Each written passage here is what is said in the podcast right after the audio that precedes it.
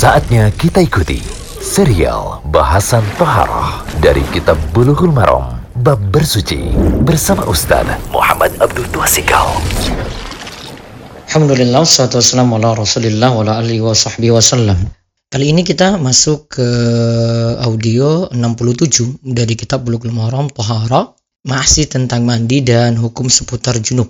Dan kali ini tentang tata cara mandi junub diterangkan dalam hadis 119 dan 120 dari kitab Bulughul Maram.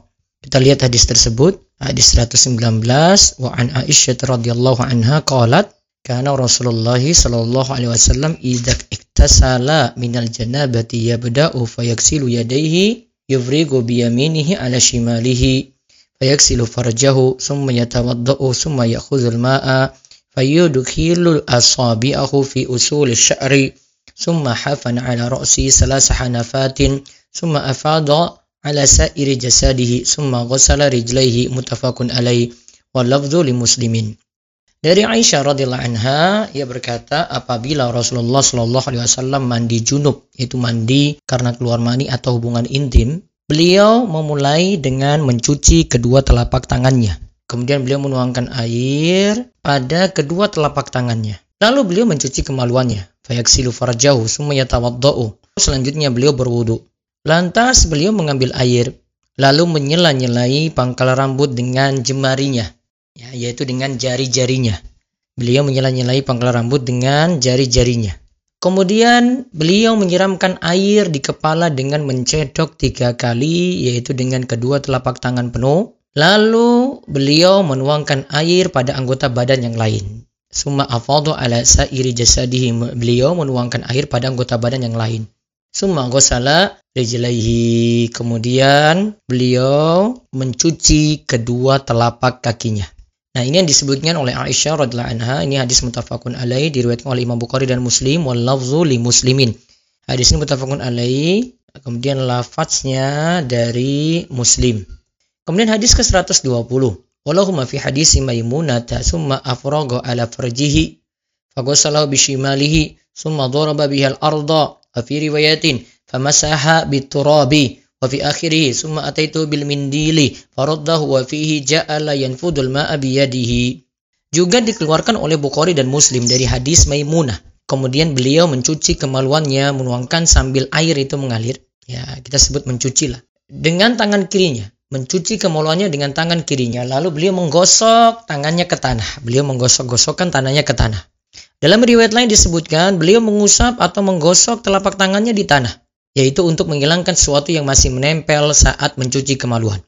Dalam riwayat lain disebutkan pula kemudian aku Maimunah menawarkan beliau kain atau handuk tetapi beliau tidak mengambilnya. Dalam riwayat disebutkan beliau menghilangkan air yang menempel pada badan dengan tangannya. Jadi beliau kibas-kibas tadi dalam uh, pada tangannya ya, dengan tangannya ini untuk air yang ada pada badan. Nah, kita lihat di sini jadi hadis pokok yang membicarakan tentang mandi junub itu ada tata cara mandi junub ya, ada dalam hadis Aisyah dan Maimunah. Faedah hadis, hadis ini menerangkan mengenai tata cara mandi junub sesuai petunjuk Nabi Shallallahu Alaihi Wasallam. Tata cara mandi junub adalah sebagai berikut. Kita rinci jadi tujuh cara nanti ya. Pertama, mencuci kedua telapak tangan tiga kali. Mencuci kedua telapak tangan tiga kali. Kedua, mencuci dan membersihkan kemaluan.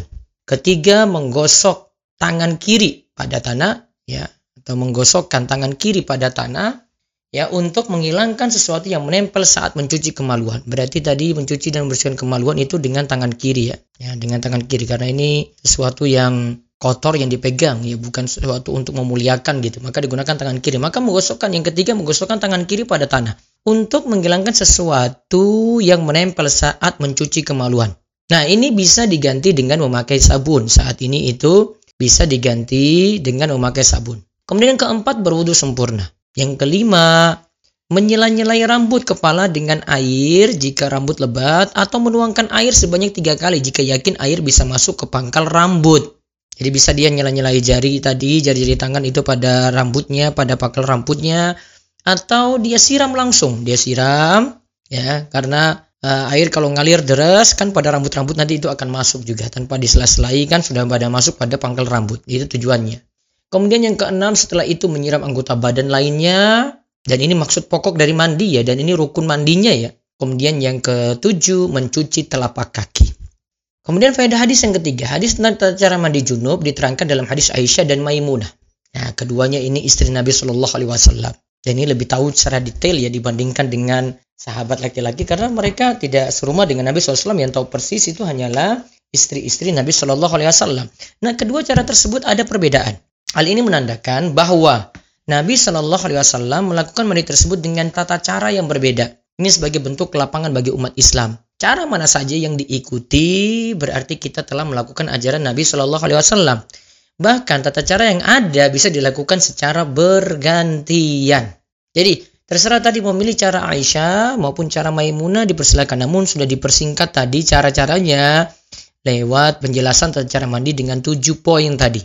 Nah, coba kita lihat di sini eh, faedah yang berikutnya lagi. Cara wudhu ketika mengawali mandi junub adalah melakukan wudhu sempurna hingga mencuci kedua kaki. Ini cara pertama ya. Cara lainnya adalah berwudhu sebagaimana wudhu untuk sholat. Tetapi mencuci kaki diakhirkan setelah mengguyur air ke seluruh badan. Ya, jadi kaki dipisah gitu. Dan ini yang kita lihat sebenarnya dalam riwayat Maimunah ya, dalam riwayat Maimunah. Tapi tidak terlalu sorry, tidak terlalu tegas dalam hadis ini ada di beberapa riwayat yang lain. Jadi bisa wudhu, lakukan pertama sebelum mandi kita itu wudhu dulu, wudhu sempurna sampai cuci kaki. Bisa juga kita wudhu seperti mau sholat, tetapi mencuci kaki diakhirkan setelah mengguyur air ke seluruh badan. Kemudian yang kelima, berkumur-kumur, matmadah, dan menghirup air ke hidung, istinsar, dilakukan berbarengan dengan wudhu. Berkumur-kumur, matmadah, dan menghirup air ke hidung, istinsar, dilakukan berbarengan dengan wudhu. Artinya di sini kumur-kumur dan masukkan air ke hidung, membersihkan hidung tadi sudah satu paket dengan wudhu. Terus yang keenam, menyiram anggota badan lainnya dilakukan dengan sekali menyiram. Ya, atau dengan sekali siraman. Ya, tidak mesti menyiramnya tiga kali seperti dalam wudhu. Jadi anggota badan ketika kita mandi junub itu cukup sekali saja kalau sudah rata ke semua badan maka sudah cukup. Tidak mesti disyaratkan tiga kali tidak.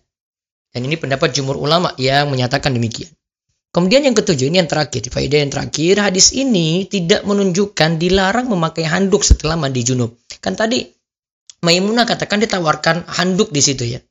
Jumur ulama berpendapat bahwa memakai handuk setelah mandi adalah mubah boleh dilakukan, ya, boleh ditinggalkan. Artinya kalau ada yang pakai handuk ya boleh. Setelah mandi itu tidak pakai handuk juga tidak masalah untuk mengeringkan air di situ. Nabi SAW menghilangkan air pada badan dengan tangannya, tetapi beliau tidak melarang jika ada yang memakai handuk. Nabi SAW enggan memakai handuk karena ada beberapa alasan. Di antaranya adalah handuknya itu ada kemungkinan mungkin tidak bersih. Bisa jadi khawatir kain tersebut menjadi basah. Kayaknya ditawarkan jadi terlalu basah gitu. Atau karena beliau sedang tergesa-gesa. Jadi ya cuma pakai gini aja nggak usah ini ketika ditawarkan sudah sudah saya sudah lengap ini dengan tangan saya sudah kering gitu bahkan sejatinya hadis ini sejatinya menjadi dalil bahwa boleh memakai handuk. Alasan dibolehkannya adalah seandainya itu dilarang, tentu handuk tidak akan ditawarkan pada beliau Shallallahu Alaihi Wasallam. Ibn Daqiq al-Aid rahimahullah dalam Ikam al-Ahkam berkata, perbuatan Nabi SAW menghilangkan air dengan telapak tangannya menunjukkan bahwa tidaklah makruh atau tidaklah terlarang memakai handuk setelah mandi. Karena memakai handuk dan menghilangkan air dengan telapak tangan sama-sama bertujuan untuk meniadakan air dari badan. Ini sebagaimana dinukil dari Minha al-Alam Fisyara Bulughul. Semoga manfaat.